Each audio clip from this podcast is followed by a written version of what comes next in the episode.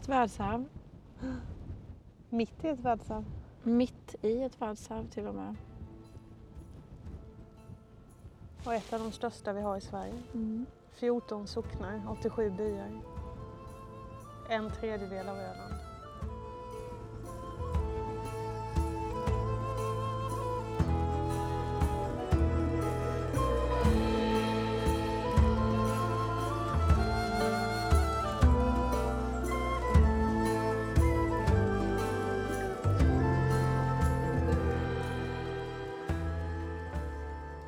Hej kära lyssnare! Då var det dags för ett nytt avsnitt i podden Arkeologi och historia sydost. Ehm, som ni vet som följer podden så eh, besöker vi olika kulturmiljöer i form av arkeologiska eller historiska platser. Vi har besökt eh, byggnader och lämningar och eh, arkeologiska utgrävningar. Men vi har faktiskt aldrig besökt ett helt landskap. Men det ska vi göra i det här avsnittet.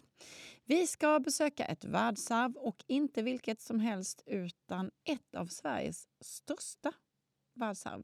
Vi ska till södra Öland. För år eh, 2000, eller 2000, vilket du föredrar, då skrevs södra Ölands odlingslandskap in på Unesco, en Unescos världsarvslista som ett levande kulturlandskap.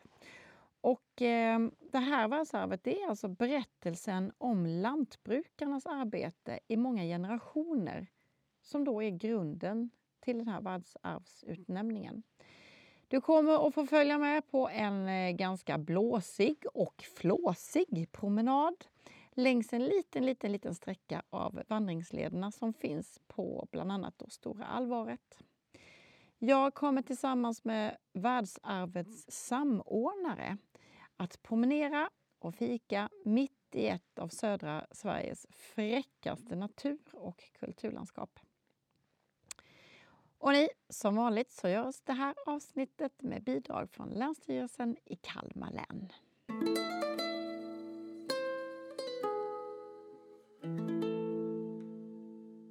Jag heter Emma Rydner eh, och jobbar som världsarvssamordnare för södra Ölands odlingslandskap. Som faktiskt är ett av Sveriges största världsarv. Och i grund och botten är jag arkeolog och sen har jag också pluggat kommunikationsvetenskap. Och vi på ditt kontor. Nu är vi på mitt kontor, världens största alvarmark. Eh, och det vi ska göra nu är att vi ska gå en av våra vandringsleder och då ska vi följa de här stenrösarna. Ah! Är det såna?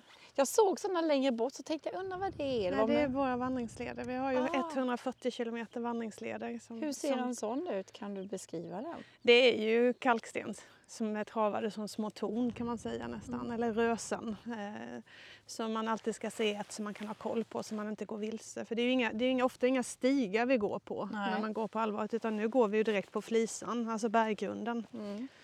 Eh, och då är det de här vi ska ha koll på. Men skulle du kunna beskriva liksom, allvaret, landskapet? Hur, hur ser det ut där vi är? Alltså om man börjar med, med världsarvet då, södra Ölands odlingslandskap, så kan man säga att det är fyra stycken ingredienser i det här världsarvet. Och den största ingrediensen är ju då Stora Alvaret, världens största alvarmark som vi går på nu. Eh, kalksten, ett tunt, tunt, icke bördigt gruslager som du ser här där Ja. vi går nu, som kallas för alv. Är det därför det heter Allvaret, Allvaret. precis. Eh, och allvaret ligger i mitten i världsarvet och sen så om vi får blicka österut eller västerut så blir det lite bördiga mark där allvaret slutar. Och där ligger ju våra byar och det är där man har den åkrarna. Så byarna och åkrarna är ju de två andra delarna.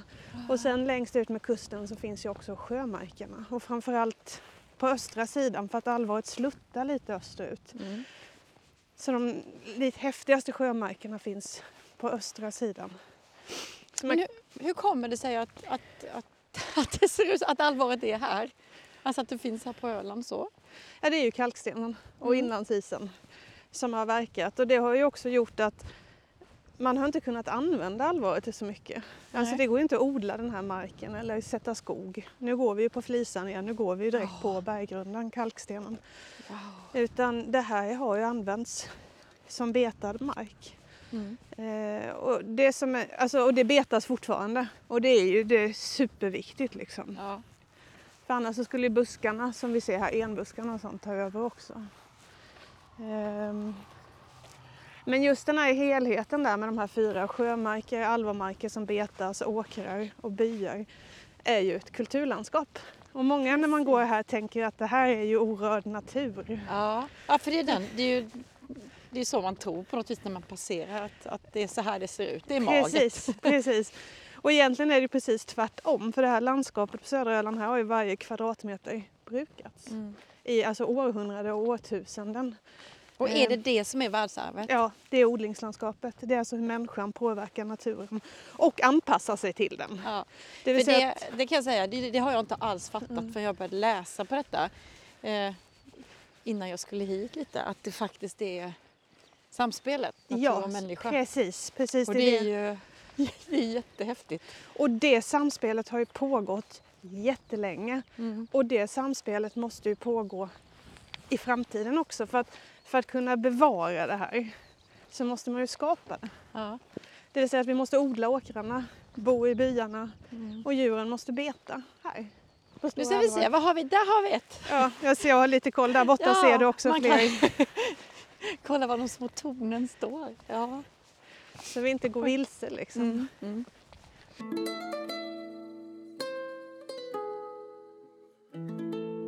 Det, här, det här är ju ett odlingslandskap som hela tiden skapas. skapas Mm. Och aldrig liksom... Eh, Man kan inte bevara det genom att plocka bort människor och djur för då försvinner det på kanske sju, åtta år. Så känner Det man går inte igen så snabbt Det går alltså. så snabbt. Herregud. Ja, ja, ja, för jag har trott att det från början, och kanske många med mig, eller så är det bara jag som är trög, men jag har ändå trott att, det har varit, att detta har varit ett naturfenomen, liksom, lite allvarligt sådär. Precis. Och det, det är ju... Alltså världsarvslistan är ju speciell. Ja. För där har man ju faktiskt både natur och kulturarv. Ja, just det. När man kommer med den 1972 så, så gör man ingen skillnad utan vi har ju både Sveriges naturarv på den och kulturarv. Mm. Och när man tittade från början så var det ju Naturvårdsverket som tänkte att ja, men Stora Alvaret och sjömarkerna de är ju väldigt speciella. Så det var Ja. väl så Sverige, för det är ju länderna som får nominera in på världsarvslistan. Ja, ja. Det var ju så man tänkte. Men sen fick man liksom utvidga det i, när man började med ansökan, till att även innefatta byar och åkrar. När man liksom insåg hur, hur viktiga människorna och djuren var för detta. För ett naturarv är ju någonting som berättar om jordens utveckling Mm. på världsarvslistan. Ja, Och ett kulturarv berättar om människans utveckling. ja. Eh, och det här är ju lantbrukarens historia om hur man skapar och formar ett odlingslandskap. ja. Sen har vi ju naturarv eh, i Sverige. Vi har bland annat Höga Kusten. Är ju det. Just det, precis. Så komplext på något vis det här är. Ja, visst är det. Mm. det är, man skulle ju, om man jobbar med det här så skulle man behöva vara geolog, Ja, biolog, ja. lantbrukare, arkeolog, historiker. Alltså allt. Det är Mm. så mycket som liksom ryms inom ett odlingslandskap.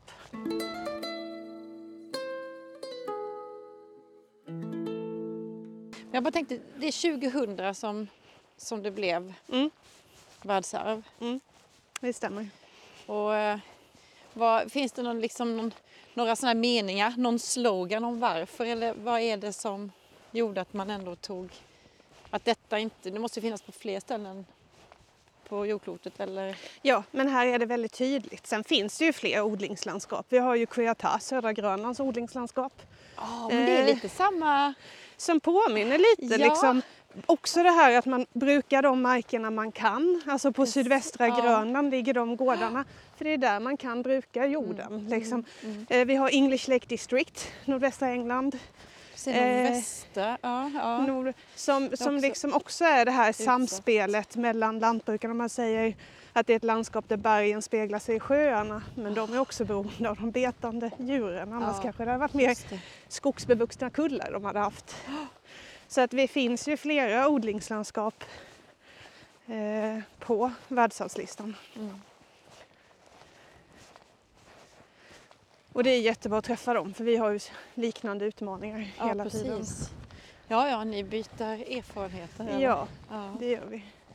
Här ser vi, kommer. Här är rätt tätt med en ändå Ja. nu. Du Ska- ser, alltså det skiftar ju hela tiden det här allvaret. Innan gick vi ju på flisan, alltså på Ja. berggrunden. Och nu kommer vi upp där det är mer buskar. Och sen kommer vi också komma till ett ställe med karstsprickor, alltså sprickor i berggrunden där vi ser dem. Det var lite det jag menade med att man borde vara geolog också. Ja, precis. Här tror jag, om vi, om vi bara gör en liten avstickare.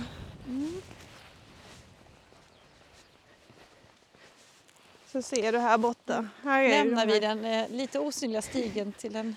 till en ännu osynligare. Ah, här har du de här verkligen liksom Ut på berget. Sprickorna. sprickorna. Ja, precis. Och vad är de, hur har de kommit till? Eller är det något speciellt? Vad är det för speciellt med sprickorna?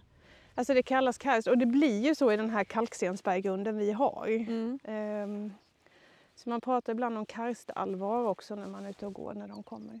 Jag ska visa på ett ställe lite längre fram för att de, de är lite roliga lärde jag mig av en av våra Ölandsguider för att de håller lite mer fukt. Här är ju väldigt soligt och brännande. Ja, just det. Och i och med att de håller fukt så trivs det bland annat några små snäckor i de här Mm. sprickorna som då klättrar upp när det är natt eller fuktigt ute och inte strålande sol. Och så betar de lite runt. Så på vissa ställen så kan man till och med se att de har varit uppe på kanten och, och betat så att det är lite ljusare runt sprickorna. Nej! Vad kul!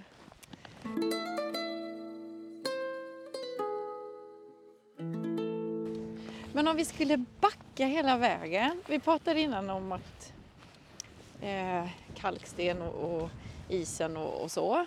Men vad om den här männi- män, människans påverkan på den här naturen. När, vad är, när började det? Allvarets historia eller vad ska jag säga? Eller världsarv, för nu pratar vi ju hela, liksom, Ja. hela södra Öland Ja, egentligen, en precis. tredjedel.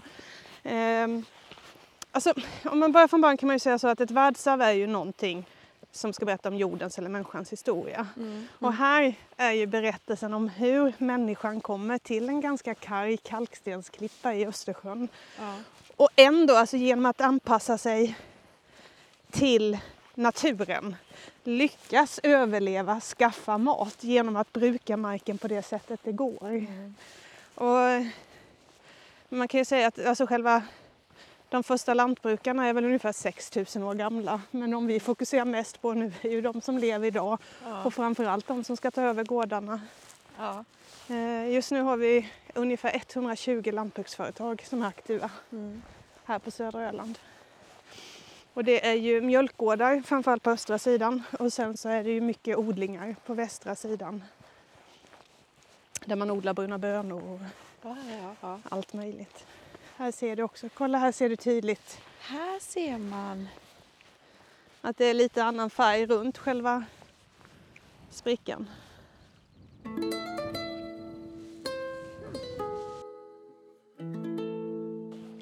Men när ehm, du sa 6000 år sedan, de säger, Mm. då började det. Hur, har, hur länge har det här sättet att bruka södra Öland då? Alltså Eh, man, brukar, man nämner ju i världsarvsansökan alltså våra järnålderslämningar som bland annat finns i sjömarkerna på östra sidan. Mm. Järnåldersbyar och så. Eh, Men, men egentligen kan man väl säga att det tar avstamp med Östgötalagen när man anlägger byarna där de ligger än idag. Ja. Här ska vi nog svänga lite ser du. Ja, just det. Eh, för det är då man liksom sätter ut hur byarna ska ligga och det är ju radbyar. Ja. Eh, så att eh, de är ju lagda ut med gatan, bygatan på rad och sen har man gjort dem så man ser hur stor gården är. Så ju bredare mark du har ut med vägen ju större Just är det, gården. gården ja. Jag åkte förbi någon jättelång alltså lada som liksom bara ändrade ut. Ja, då, då. Så att de här byarna är ju alldeles fantastiska. Det finns 87 byar i södra Ölands odlingslandskap. Ah. Ehm, Hur lever de idag? Alltså lever de eller är, de, är det sommarboende? eller? Alltså mycket är sommarboende men mycket är ju igång. Alltså man blir ju imponerad när man rör sig här om att det är mycket verksamhet och sånt. Mm. eh, på gång. Eh, så om man tar avstamp där med Östgötalagen för ungefär ja, 700 år sedan så kommer byarna och de läggs där. Och då börjar man också, bland annat hade man ju hedar som var ute och vallade byarnas djur på allvaret. Ja. Och det ser man, vi kommer nog inte stöta in i någon här, men ofta ser man små rester av fårvaktarkojor. För det här kan, och det kan användas ända in på 1900-talet, att man var ute och hade djuren med sig. Så hade vi gått den långa slingan här, eh, Båbyslingan, den som är 8 kilometer, då hade vi passerat sådana fårvaktarkojor också.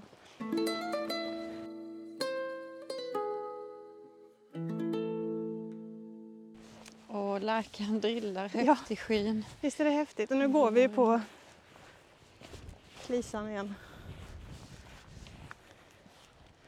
Och snart kommer orkidéerna börja blomma här. Man, man ser att de är på väg upp nu. Men vad är, vad är utmaningarna här nu då? För Alltså, att behålla det här? man kan se det på, på, på flera olika håll. En av utmaningarna är ju som vi pratade om innan. Alltså för att när man är ett världsarv så ska man ju också berätta. Det är berättelsen om världsarven som är så viktiga så att FN har dem på sin lista. Ja. Ehm, och det är ju komplext, det är ju stort. Mm, Folk är mm, kanske vana vid att gå in jag vet inte, i ett slott Ja, eller se en precis. runsten eller Ja. någonting. Och här är det helt plötsligt ett stort, gigantiskt landskap. Ja. Ehm, Så det är en av de sakerna vi jobbar med. Och det är Mm. därför vi har alla vandringsleder. Den här leden vi går nu finns det också en digital guidning som man kan lyssna på. Om man vill lära mer om de här kastbrickorna, om fårvaktarkojorna, om murarna vi passerar. Liksom. Mm, mm. Så vi försöker tillgängliggöra det. Men den stora utmaningen vi har haft är ju vatten. Vattenbrist, torka. Mm. Eh, våra lantbruk behöver ju bra skördar, Ja. bra bete till djuren. Ehm, så att både 2016 så hade vi ju en jättevattenbrist här och 2018 så slog ju torkan till. Mm. Och det slår ju jättehårt mot ett odlingslandskap. Så det är ju vår absolut största utmaning nu. Ja, det känns ju som att, eh, att det generellt det är ett stort problem här överhuvudtaget. Och då måste det i det här landskapet känns det ju väldigt känsligt. Väldigt känsligt, ja. Precis. Samtidigt som man har ju varit väldigt tålig. Och man har ju varit van vid torka av och till. Men, Mm. men, men vattnet är, ja, det är vår viktigaste. Sen är det ju klart att man tittar på alltså generationsväxlingar. Ja. Vi liksom är ju helt beroende av lantbrukarna. ja. Det är de som äger och det är egentligen de som förvaltar hela odlingslandskapet. Mm. Och, och garanterar att det kommer att finnas kvar.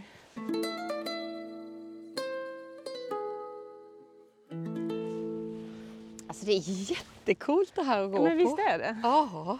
Det är som fjällen fast platt. ja. Men vem, som just själva allvaret som vi går på nu, vem äger det? Det är privatägt. Alltså det allra mesta. Ja, Eh, Det är byarna och mycket... Där har du orkidéerna på ja gång. jag såg dem på att trampa. Åh, Så du vet, alltså sen kommer ju... Alltså, det här, vissa ställen av allvaret kommer ju att liksom färgas helt lila om bara några veckor när de här orkidéerna kommer. ja. Oj, de är överallt Ja. här. Eh, här kommer vi till korsningen hörru. Här är ett vägskäl. Nu har vi ett vägskäl. Och skulle vi ta höger här så skulle vi komma, ta den långa slingan och då skulle vi komma till Båby källa, en vattenkälla. Ah. Vi skulle komma till fårvaktarkojan som ligger precis vid källan, jättefint. Mm. Och vi skulle också komma till eh, mittmuren, alltså en mur som kliver, klyver Stora Alvaret från östra från västra sidan, 38 kilometer lång. Men idag skulle vi ju gå korta slingan, Vi ska gå korta slingan. så då ska vi svänga ska vi vänster gå här i den här. Ja. Men jag har med mig en, en kanna kaffe också ju, så vi får hitta någon plats att sitta på här borta tänkte jag. Så vi kan ta och vi. dricka lite kaffe också. Mm. Det, det är ett måste när man är ute och går. ja, det är det. Och lärkorna, man ser hur de landar och sen så far de längs med marken.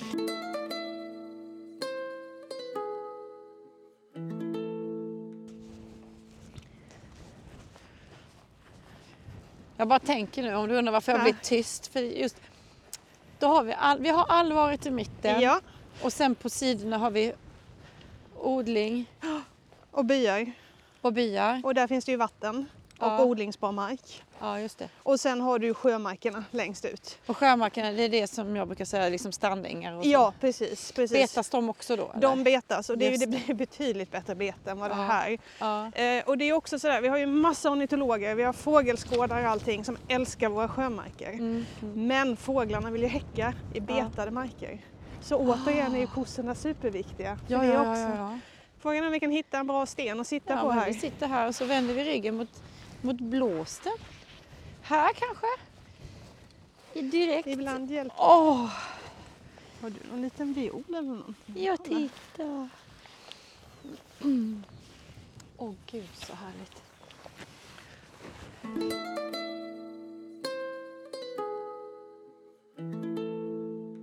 Det jag skulle vilja lyfta också till lite är ju själva, själva världsarvstanken och vad ett världsarv Mm. är. Mm. Alltså den större globala tanken där man liksom 1972 bestämmer sig för att ta fram en sån här lista som ska lista upp världens mest unika platser. Alltså Mm. berättelser om människa och natur som är viktiga inte bara för människorna på Öland eller människorna i Kalmar län eller i Sverige utan för hela världen. Mm.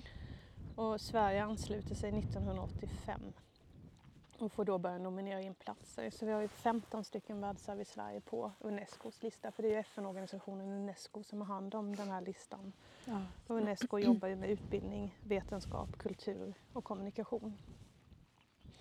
Eh, Så att vi har ju liksom ett globalt samarbete och ett globalt perspektiv i det vi gör och själva grundtanken är ju att dels att det här är superviktiga platser som har så viktiga berättelser för hela jorden men också att vi ska gynna internationellt samarbete och faktiskt bidra till en hållbar fred. Alltså det är inga låga liksom, ställda tankar bakom det här med världsarven.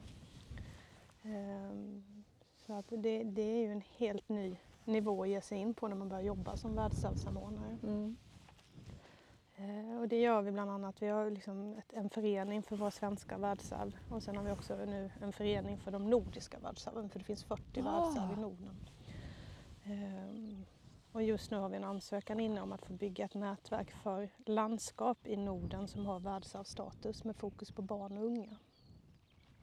Okej. För att rikta sig mot dem då Mm, eller? Precis, Mm. för det är ju vår framtid. Så vi- det, det är ju en sån här tanke man vill ha med sig. Liksom de här världsarven, det kan vara precis vad som helst, bara de har en berättelse. Vi har ju alltså Struves meridianbåge som går via Norge, Finland, Sverige och söderut. Och går också in i Ukraina, Ryssland och Belarus. Jag tror det är tio länder som har det världsarvet tillsammans. Och det är ju berättelsen om när man på 1800-talet ville mäta jordens omkrets och hade olika mätpunkter och Nej. samarbetade tillsammans från olika länder och faktiskt lyckas räkna ut jordens omkrets. Det är ju ett sånt världsarv som är liksom, oj, oj nu spiller jag lite, som är, som är transnationellt. Mm. Ja, Wow, jag visste inte ens att, den, att det fanns. Jo, så vi har fyra mätpunkter i Sverige och det är Lantmäteriet vill ha med. Som, som, eh, det är Lantmäteriet som är ansvarig och liksom samordnar Ja. vår svenska del i det hela där. Eh, så det är ju en berättelse. En annan är ju Grimetons radiostation som sänder långvåg och var trådlösa sedan 1924 och ligger i Varberg. De har haft som slogan “Wireless since 1924”. Vad kul! Så att det, Ja. det är ju en av de berättelserna vi Mm. ska ha kvar. Jag menar försvinner liksom kopparnätet och 4G och 5G och allt vad vi har så kommer vi fortfarande kunna köra igång Grimeton och Mm. sända långvåg från Sverige. Mm. Så det är väldigt olika de här unika platserna vi har. Ja, ja.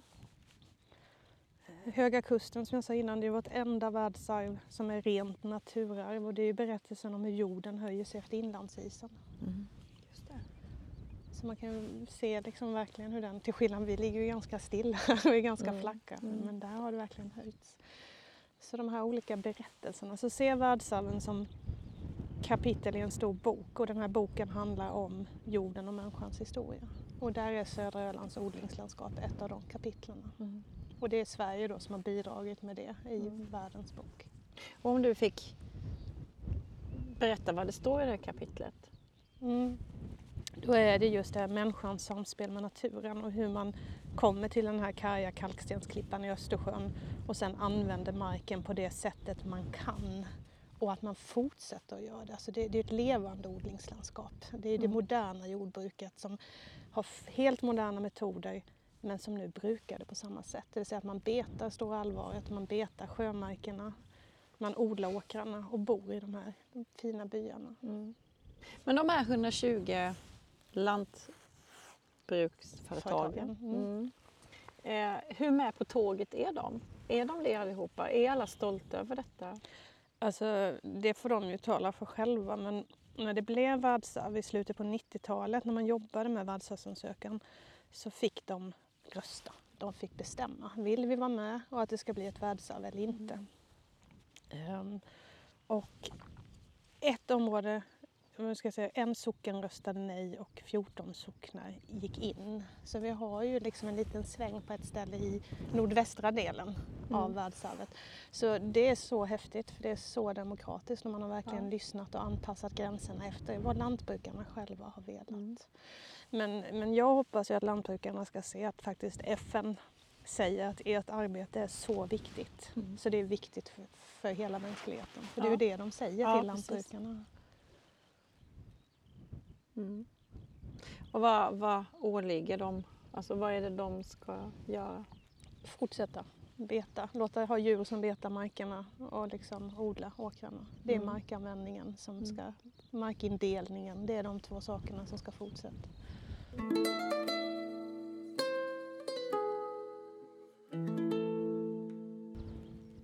Men om vi går eh, några hundra år tillbaka, hur var det då? Alltså allvaret har ju, det har ju varit, man har ju kunnat se på Öland, hur, eller på allvaret, hur människorna har mått. Det har varit liksom ett extremt högt betestryck och väldigt mycket människor, alltså när man till och med har försökt odla upp bitar av allvaret för att överleva, då har djuren varit så hungriga så de har ätit enbuskarna också. Så ett helt platt och kalt allvar, det är ett Öland som svälter. Ett Mm. allvar som växer lite så här, det är ett Öland som mår bättre. Så man kan ju också se på landskapet hur, människorna mår. Sen har vi ju de här fårvaktarkojorna som berättar om, eller spåren av fårvaktarkojorna som berättar om hedarna som var här ute och vaktade djuren. På vissa ställen ser man också eh, jordkällare när man är ute och går nu som kommer, alltså som berättar om när potatisen kommer. För då måste du kunna förvara dem frostfritt. Och då har du bland annat utanför en by som heter Fröslunda på östra sidan så har du en hel liten källarbacke med jordkällare där man liksom byggde för att kunna ha potatisen i. Vad är det, mitten av 1800-talet. Mm. Så då berättar det ju den, en, en liten bit av vårt odlingslandskaps historia. Och vi har ju en ödeby som heter Dröstorp som också ligger ute på allvaret och där har man ju ett litet järnåldersgravfält med rösen och de rösarna har ju byggt om till jordkällare för att ha potatis i. Och eh, går man och tittar på det här så bredvid så ligger ett alldeles runt betonglock ser det ut som, ett brunnslock ungefär. Ja, det är från det stora allvaret användes som testfält för att kalibrera flygkameror på 1950-talet. Och en av stenarna i det här eh, gravröset slash jordkällan, där sitter en triangel inristad och det är från när man höll på med triangulering och kartritningar. Så att tittar man ner i det här landskapet så är det inte alls stort eller tomt på något sätt utan det Nej. finns hur mycket berättelser som helst. Man ska bara se dem.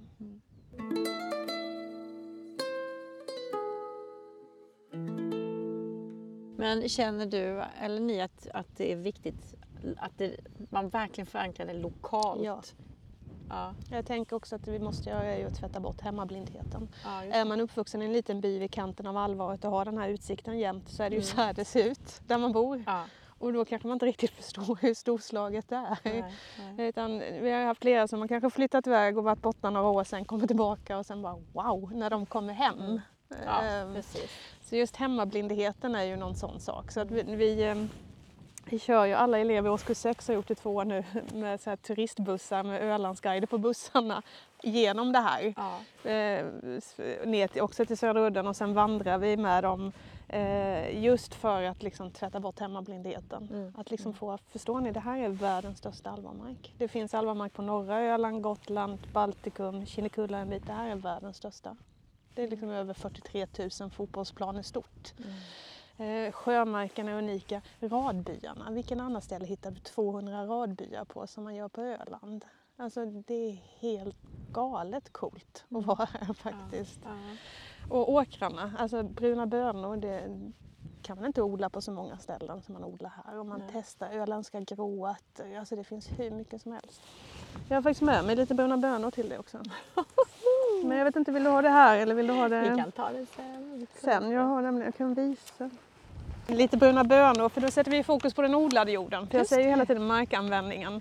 Och då är ju bruna bönor en sån sak. Och de här kan du plantera den 27 maj. Ja. Och bländadagen ska ju de planteras enligt tradition. Ja, men det ska jag göra. Ta dem i en liten kruka eller odlingslåda och testa. Ah, och tack. Skansenskolans högstadie har ju tagit fram eh, recept på eh, muffins med bruna bönor i bland annat som heter världsarvsmuffins. Åh. Vad säger vi mer? Det finns massor. Sen är det ganska lätt att vara tyst ute på allvaret också. Mm. Ja, jag känner att jag gick ner varm. Mm. Jo men det gör man. Och det gör jag varje gång man är ute. Jätteskönt. Här är coolt på nätten också. Ja, stjärnhimlen. Alltså jag måste, Ja. jag måste testa det där. Och det måste vara häftigt att möta morgonen. Mm. Finns det några sådana där man kan sova i? Alltså, Ja, vi har vindskydd på några ställen Mm. eh, ut med lederna. Bland annat finns en plats som heter Penåsa eh, lite söderut. Där har vi flera vindskydd. Så vi har eh, eh, rastplatser. I, I och med att de här vandringslederna sitter ihop i ett system. Jag ska se om med någon. Här har du. Eh, här är alla markerade så att vi, vi har ju de här 140 kilometer vandringslederna som kommunen sköter och sen sköter Mm. ju Länsstyrelsen och gör det jättebra. Eh, så vi jobbar ju verkligen med att kunna tillgängliggöra landskapet. Mm, Att man ska, du kan gå från turistbyrån i Färjestad ner till Ölands södra udde på en av våra leder som heter Mörbylångaleden. Och där finns också vindskydd så man kan sova i rastplatser, toaletter och så här. För det, det här är ju ett av de bästa sätten att lära känna världsarvet. Ah. Det är ju faktiskt att gå i det.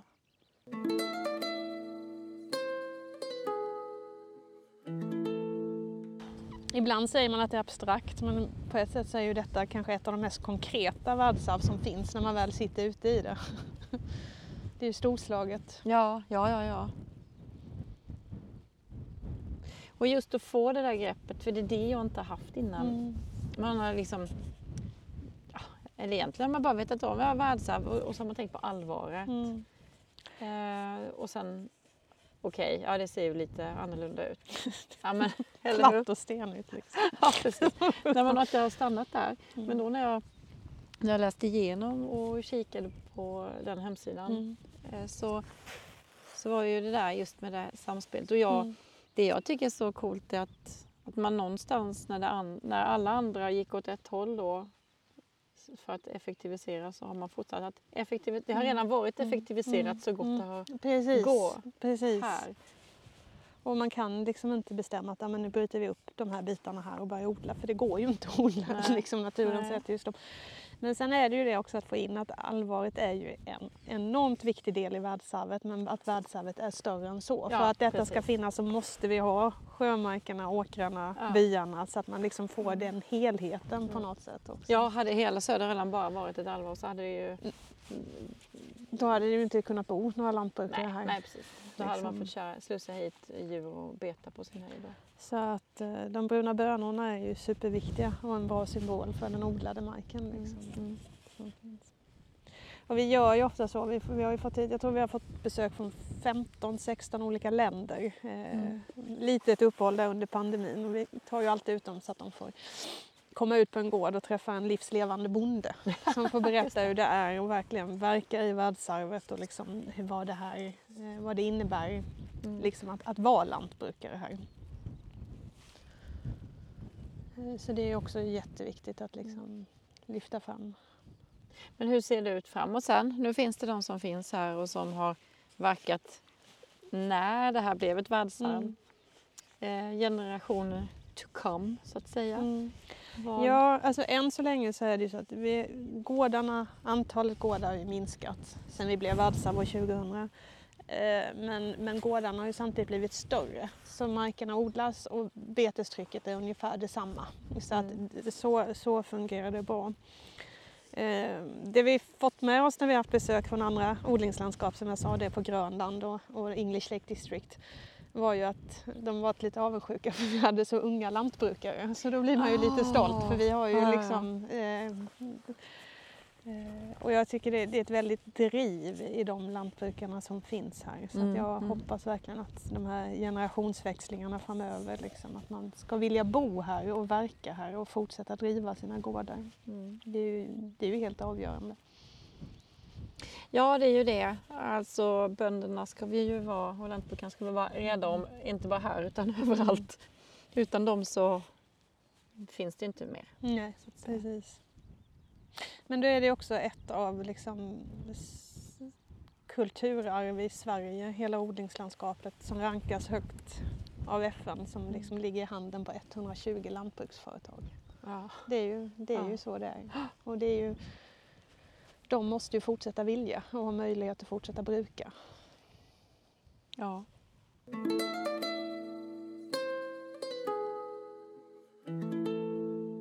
Vad, vad tycker du att när man kommer hit och besöker, vad ska man, hur ska man tänka och vad ska, vad ska man, inte vad ska man känna för det gör var och en, men vad är, vad ska man ha med sig liksom, när man kommer härifrån? Vad ska man tänka på?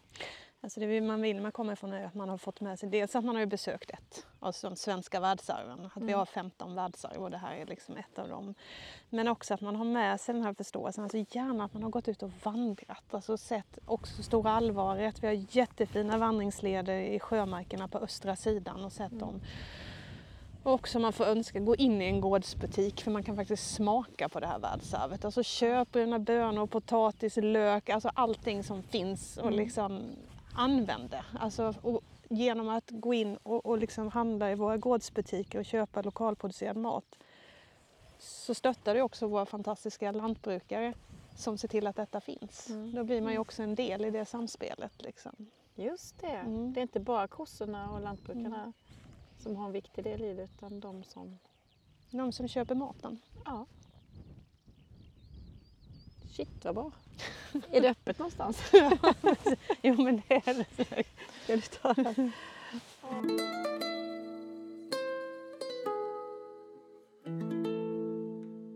Om man, om man eh, vill göra en sån där snabbis, man eh, är på Öland och man vill ut och festa och bada och göra alla de sakerna men man vill också ta med sig lite. Vad, vad, vad är dina liksom tre tips på ställen att här får du ändå se och uppleva?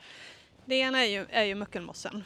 Eh, det här, där är det ju där vi parkerar nu liksom. Ja. och då kan man gå norrut istället. Eh, för det är också tillgänglighetsanpassat eh, Mm. av Länsstyrelsen så det är jättebra. Då kommer du ut i den största Alvarsjön som finns och det är ju spång och grusvägar liksom, så det är väldigt enkelt att ta sig dit Ja.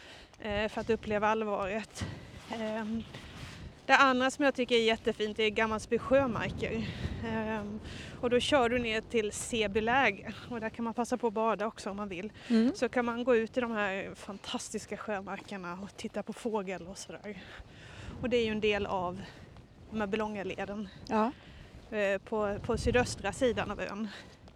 Sen är ju eh, här på västra sidan så finns ju en eh, gravhög som förmodligen är från bronsåldern som heter Mysinge hög Ja. i byn Mysinge och går man upp på den så kanske det är det bästa stället att se hela världsarvet på för då ser du byar, du ser Mörbylångadalen, den bördiga, Mm. du ser Stora Allvaret och ibland kan man nästan tycka att man ser havet blänka på östra sidan också så du får ju en sån fantastisk utsikt. Mm. Och då ser man ju den här nästan knivskarpa gränsen som går mellan den odlingsbara marken och allvarmarken. Ja. Ja. Alltså det är inget, det är inget liksom som man bestämmer utan den går verkligen sådär där landsvägen tar sig fram ungefär. Mm. Så det är tre sådana här snabba ställen. Det låter fantastiskt bra. Åh, det är så coolt! Visst är det? Måste ta en bild igen. Och nu har vi vinden i ryggen också. Ja, det var kanske här vi skulle stått och pratat.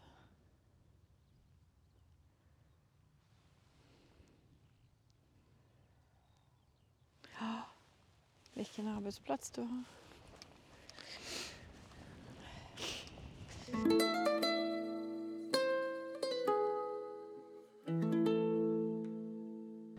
Hur Hur långt är det att gå till Lillesjön? Det, om du vill kan vi gå dit, det är 600 meter. Ja, det Så vill det jag. gör vi snabbt. Och Det, det, vill jag så definitivt tar vi en göra. bild där ute. Ja, jättesugen är jag. Jag bara kände att det var så nära innan. Så att det här var jättekul att få gå där och nu vill jag gå dit. Och det här är två olika, det här är ju liksom en av våra vanliga leder, då rösar vi och det finns ju också en app som heter Naturkartan. Så du kan se var du befinner dig i förhållande till leden om Oh. du är liksom Ja. osäker och det är där man hittar de här digitala berättelserna.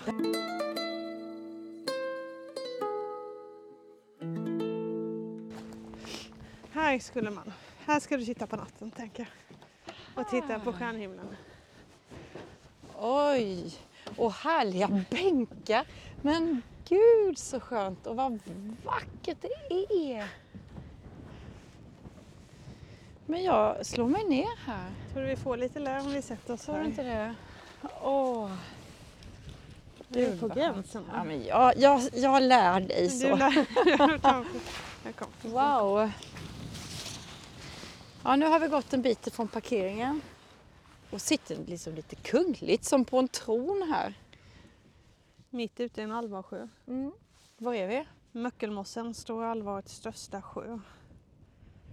Ehm, också en av, om man kommer hit på vintern när det varit kallt så är detta en av Sveriges absolut vackraste skridskoisar. Nu skulle du inte avslöjat än. Jag skulle komma hit och vara här själv. Nej, det är ingen risk, parkeringen är Nej. full och hela, Ja. hela spången vi har gått på också Mm. när det är bra skridskoisar. Så det är en illa, illa bevarad hemlighet tror jag. Wow! Vad betyder den här sjön för... Alltså det finns ju flera olika alvarsjöar och vattnet är ju superviktigt Mm. att ha. Eh, och det här samlas nog vattnet från Alvaret upp och sen rinner det ju österut mot Östersjön. Men, men de här vattenspeglarna som finns är ju jätteviktiga. Mm. Dels för djuren, alltså det här är ju deras dricksvatten när de går och betar på Alvaret. Och sen Ja. är det ju några källor som finns också, de här sjöarna. Men också, vi har ju mycket fåglar här. Det här är en fågelplattform vi är på nu. Mm. Innan sa jag fågeltorn, men man behöver ju inte komma så högt upp för att få utsikt. Ja, just Jag vet inte, vad är vi? Ett par meter upp nu. Ja. Och vi ser hur långt som helst. Men så tydligt gräset är grönare på denna sidan Ja, staketet så att säga. precis. Det... Ja. Och när man säger sjö på allvaret så kanske många andra skulle bli lite besvikna om de såg det. För det är ju det är ju lite mindre och lite grundare än vad man är van vid kanske. Mm. Mm. Men ack så viktig då ju. Ja, kanske precis så. Åh, sädesalla, I love. Åh. Ja, det här var ju också mäktigt alltså. Ja, det är det. Det blåser.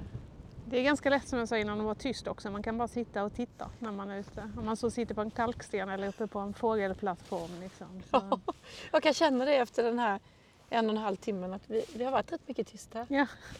Väldigt skönt. Och sen blåser det ju jämt så man blir Mm. ganska trött också. Det är jättehärligt. Ja. Ett världsarv. Mitt i ett världsarv. Mitt i ett världsarv till och med. Och ett av de största vi har i Sverige. 14 socknar, 87 byar. En tredjedel av Öland.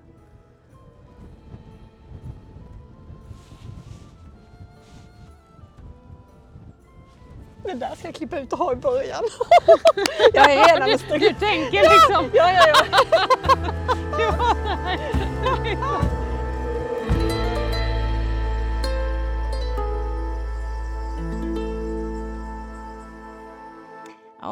om ni bara visste. Ibland säger de här personerna som är med i podden helt vansinnigt bra grejer. Och vilken häftig plats på jordklotet, alltså som södra Öland är. Ehm, ja, det var Emma Ridner, eh, världssamordnare vid, i Mörbylånga kommun som du hörde. Och om du har missat, och detta, jag vill bara säga detta är ett måste för alla ni som älskar att vandra, fika och vara lite tysta. Det är en otroligt häftig plats, eh, Stora Alvaret på Öland. Eh, vill du se lite bilder på hur det såg ut under vår promenad så hittar du det på poddens hemsida arkeologi och historia.se. Du hittar också lite länkar till eh, eh, både världsarvet och, och södra Öland i, i texten till det här avsnittet. Och jag vill väl också säga att, att eh, det här var bara det första av eh, avsnitt ifrån Öland. Det kommer komma mer, både eh, borgar och eh, annat spännande ska vi uppleva eh, på Öland under det kommande året här. Och ja, som vanligt, det här avsnittet det gjordes med bidrag från Länsstyrelsen i Kalmar län. Och vi, vi hörs snart igen. Hej då!